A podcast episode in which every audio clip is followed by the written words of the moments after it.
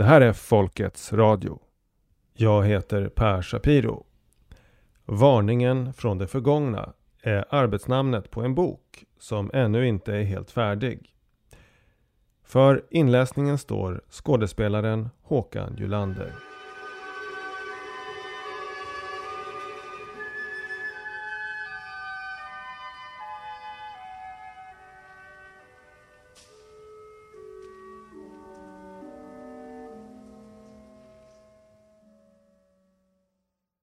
Kapitel 9 Konturerna av arkonterna. Citat. Krig är fred. Frihet är slaveri. Okunnighet är styrka. Slutcitat. George Orwell. Om vi har nämnda egenskaper i åtanke och om vi läser gnostikernas varningar med de gångna 2000 åren som facit var kan vi då se konturerna av detta arkontiska inflytande? När det gäller anomalin syns den som sagt tydligt i frälsarreligionernas dogmer. Den bizarra uppfattningen att världen är skapad av en manlig gud utan någon kvinnlig motpart. Att förlägga det heliga till något abstrakt, något bortomvärldsligt, någon annanstans att betrakta livet och själva vår existens som levande varelser som arvsynd, original sin. Att se på livets mest heliga uttryck som sexualitet, dans och glädje som varandes syndigt. Anomalin syns i undanträngandet av ursprungsfolkens och de så kallade hedningarnas lokala mystik där det centrala var att människor helgade de platser som sett dem själva och även deras förfäder växa upp. Dessa platser sågs som heliga och det var människors främsta kontaktyta med livskraften som den manifesterade sig just där de levde. Det arkontiska programmet innebar att lokala ceremonier förbjöds som kätteri och hedendom och ersattes med evangeliets Vår Herre.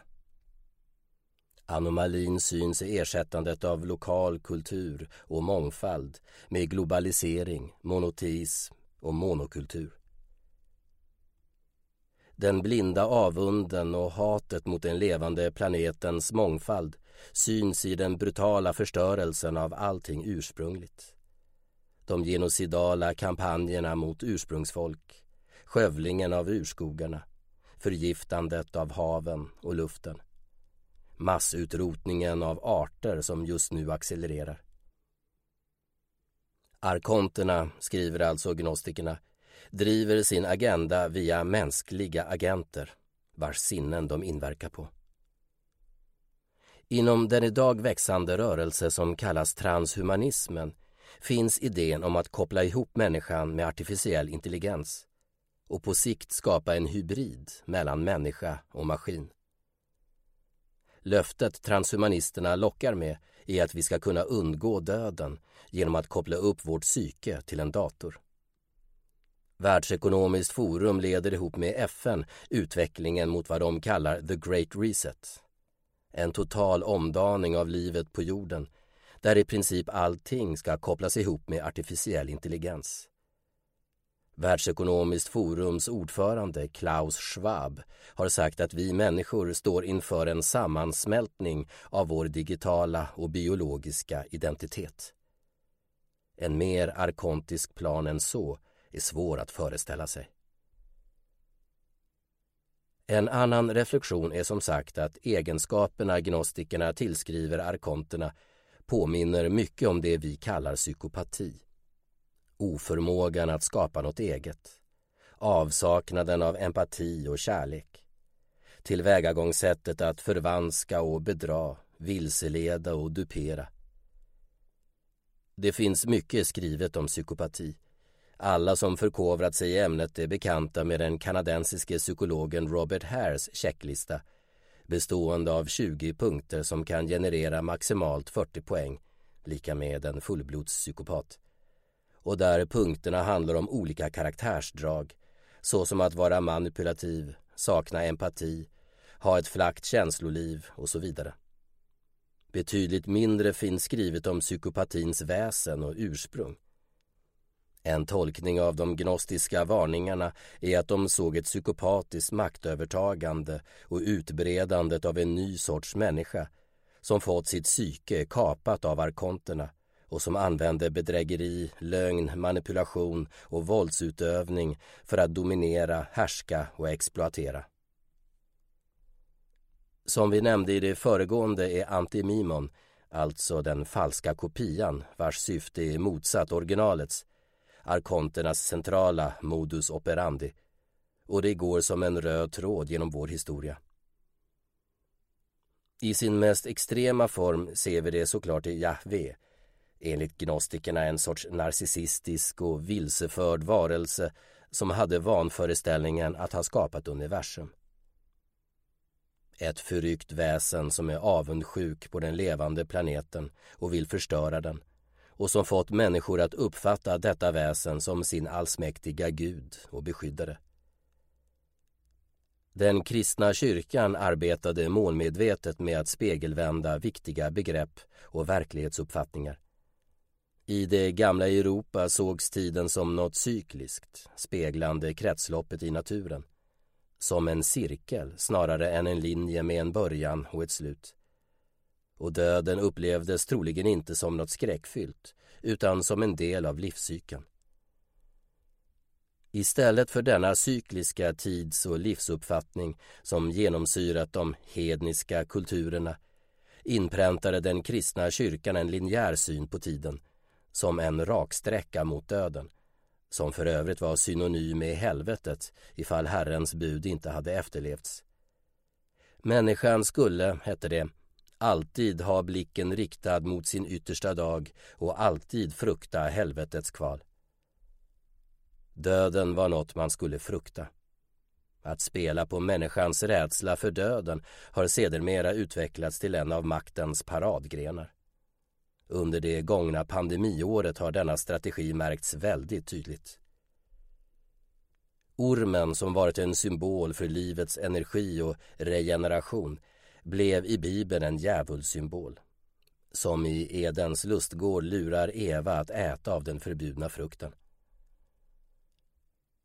Som Merlin Stone skickligt visar i sin analys av Adam och Eva-myten använder man avsiktligt ormen som i många religiösa kulturer varit en av symbolerna för gudinnan och låter den här istället symbolisera den bedräglige djävulen. Arkeologen Maria Gimbutas har beskrivit att det svarta tidigare var fruktbarhetens färg, de fuktiga grottornas och den rika jordens färg. Det var färgen på gudinnans livmoder, där livet börjar. Under den kristna eran började man tvärtom använda den svarta färgen som en satanisk symbol för död och helvetiska kval. Och naturen, från att ha varit sedd som helig, kom nu att beskrivas som syndfull. Det engelska ordet dirty, som vi är vana att associera till sex, men oftast i en negativ betydelse, har sitt ursprung i ordet earth Jorden, både i bemärkelsen planeten och jorden ur vilken livet spirar, soil, har alltså gått från att ses som besjälad till att ses som något syndfullt och smutsigt. Där gudinnemystiken huvudsakligen var hyllningar till livet och naturen var kristendomen en teologi som på många sätt var anti-liv.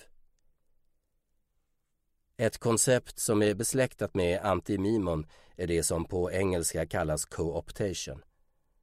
Det närmaste vi kommer på svenska är väl annektering, införlivning. Ett exempel på det är hur kyrkan med tiden började uppmärksamma hedniska högtider som varit knutna till årstidernas växlingar, hyllat fruktbarheten och växtligheten, välsignat naturens och solens samverkan Högtidernas ungefärliga datum behölls, men innehållet hade nu istället en kristen innebörd. Vintersolståndet, årets mörkaste dag, hade varit en högtid då man firat att solen skulle återvända. Solen symboliserades av födelsen av en manlig fertilitetsfigur som den feminina kraften födde.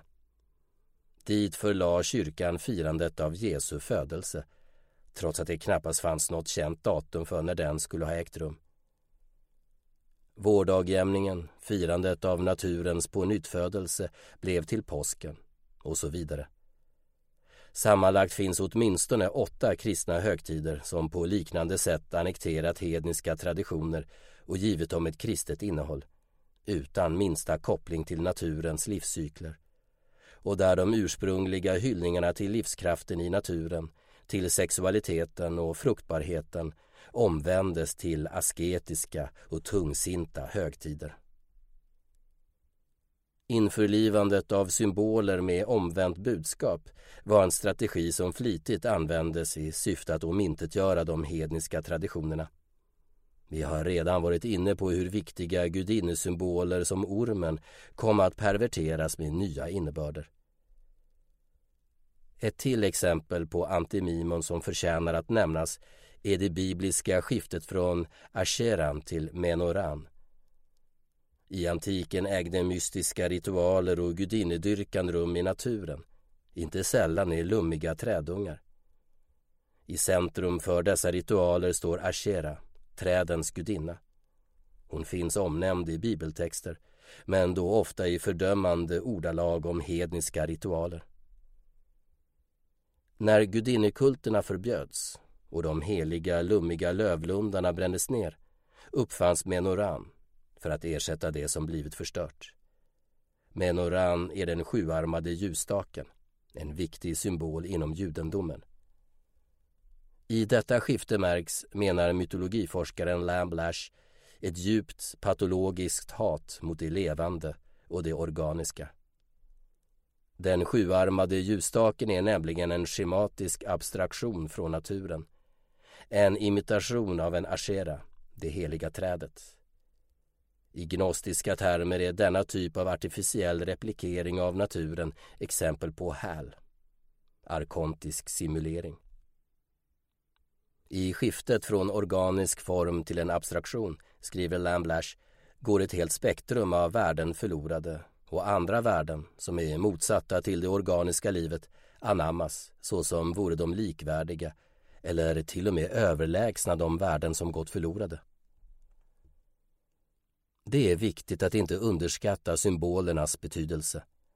De har inkodade budskap som likt ett virus hackar in på vårt undermedvetna och ritar om våra föreställningar. Koden kommer dessutom inpaketerad i en berättelse som i sig självt är en produkt av ett countermimicry. Frälsarteologin, anser Lamblash, i förhållande till berättelsen om människans och ursprungsfolkens samevolution med naturen vad Menoran är i förhållande till Asheran. Skiftet från Ashera till Menora exemplifierar hur den arkontiska manipulationen på ett omärkligt sätt förs in djupt i det mänskliga psyket. Idag, 2000 år senare, har dyrkan av det artificiella blivit institutionaliserad. Världsekonomiskt forum och FN har fört in den fjärde industriella revolutionen i de globala utvecklingsmålen Agenda 2030. Framtiden som tecknas i genetiskt modifierad mat och storskaliga tekniska manipulationer av klimatet. Vi ska ställa om till smarta städer med självkörande bilar och sakernas internet där våra hem och våra prylar ska vara uppkopplade mot artificiell intelligens. Nästa steg är kropparnas internet där dagens bärbara datorer och virtual reality headsets ska bli implantat i våra kroppar och hjärnor. Med framstegen i neuroteknologi utlovas vi kunna stärka vår kognitiva förmåga och bättre kunna manipulera våra gener och våra barns. Ett annat exempel på antiimimon är givetvis det spegelvända språket. Vi har kommit att förknippa det med George Orwells roman 1984 där krig blir fred, kärlek blir hat, frihet blir slaveri och så vidare. Vi möter det ofta i sammanhang där makten säger sig bekämpa det man själv bedriver. Hur många miljoner fredliga människor har inte fått sina liv terroriserade i det så kallade kriget mot terrorn? Hur många miljarder dollar har underrättelsetjänster inte omsatt i narkotikahandel samtidigt som deras regeringar formellt driver krig mot drogerna? En till sån nyspråklig term är den humanitära interventionen som tillämpades med katastrofala följder i Libyen. Dessutom har ju det kristna kärleksbudskapet otaliga gånger Orwellskt använts i sitt motsatta syfte för att rättfärdiga bestialisk tortyr och bålbränning av häxor. Genocidala kampanjer mot gnostiker och hedningar samt folkmordet på ursprungsfolk och den brutala imperieexpansionen över världens alla kontinenter. Den spanske prästen Bartolomé de las Casas har i sina nedtecknade vittnesmål beskrivit den monstruösa tortyr de spanska konkvistadorerna utsatte den amerikanska ursprungsbefolkningen för. Till exempel hur man symboliskt brände indianerna levande i grupper om 13 för att hedra frälsaren och de tolv lärjungarna. Men i USAs självständighetsförklaring har man på spegelvänt maner beskrivit ursprungsbefolkningen som skoningslösa indianska vildar. De återfunna gnostiska texterna varnar som sagt för frälsningslärorna. De såg i dem ett arkontiskt tankevirus som skulle bryta ner och begränsa människans andliga potential och göra oss vilsna, självupptagna och lättpåverkade av utomjordiska krafter. Enligt Lamblash är den allra viktigaste kristna symbolen ett utmärkt exempel på antimimon. Korsfästelsen, skriver han, är ett själadödande bedrägeritrick. Det är inte Jesus Kristus utan vår mänskliga fantasi, vår arts medfödda visionära kraft som spikas fast där på korset. Det ligger en djup sanning i detta, som det kan vara värt att förklara och utveckla. Egenskaper som vi förknippar med att vara en god människa. Förmåga till kärlek, omtanke, ansvarstagande, empati är inget som religionerna har uppfunnit. Ursprungsamerikanerna, vi låter dem representera mänskligheten här, behövde inga evangelier, inga religiösa regelverk eller budord fastställda av någon utomjordisk gud för att visa kärlek, omtanke, ansvarstagande, empati. Men den religiösa människan låtsas alltså att hon behöver det. De flesta kristna är kärleksfulla och ansvarstagande människor, så vad är problemet? Jo, att den kristna människan från barnsben får lära sig att låtsas att de behöver dessa urkunder och metafysiska legender om jungfrufödsel och Guds son som återuppstår på den tredje dagen och så vidare, för att vara en god människa. Människan känner instinktivt att hon är född till att visa kärlek, omtanke och ta ansvar. Men får lära sig att det är dygder som är beroende av det utomjordiska regelverket för att hon ska kunna vara den människa hon är född till att vara. Så vad är problemet med att låtsas att man behöver något som man inte behöver? Ja, vad händer om vi exempelvis tror att vi måste ha och därför alltid använder en GPS för att navigera även i områden där vi kanske inte behöver den? Jo, vi urholkar vår egen navigeringsförmåga. Vi kan som en analogi tänka oss ett barn som föds fullt friskt och kan hoppa och klättra och gå balansgång och allting som hör barndomen till men som från start luras att tro att det måste använda kryckor för att ta sig fram. Barnet kommer att använda dessa kryckor hela tiden och med åren kanske inte ens ha en föreställning om vilka möjligheter det har inneboende utan dessa kryckor. När detta skrivs befinner vi oss alltså mitt i vad Världsekonomiskt forum kallar den fjärde industriella revolutionen.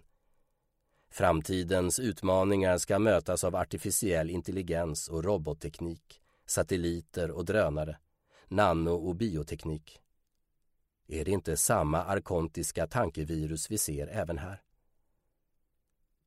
De abrahamitiska religionerna har ersatts, i vissa fall kompletterats, av en religiös tro på teknologi och innovation som frälsningen från alla problem vårt exploativa förhållningssätt till naturen har ställt till med. Och rollen som Gud fader har övertagits av artificiell intelligens. Eller kanske är det bara ett namnbyte? Det var ju, om vi får tro gnostikerna, efter den artificiella eller arkontiska intelligensen som den kristna skaparguden var modellerad.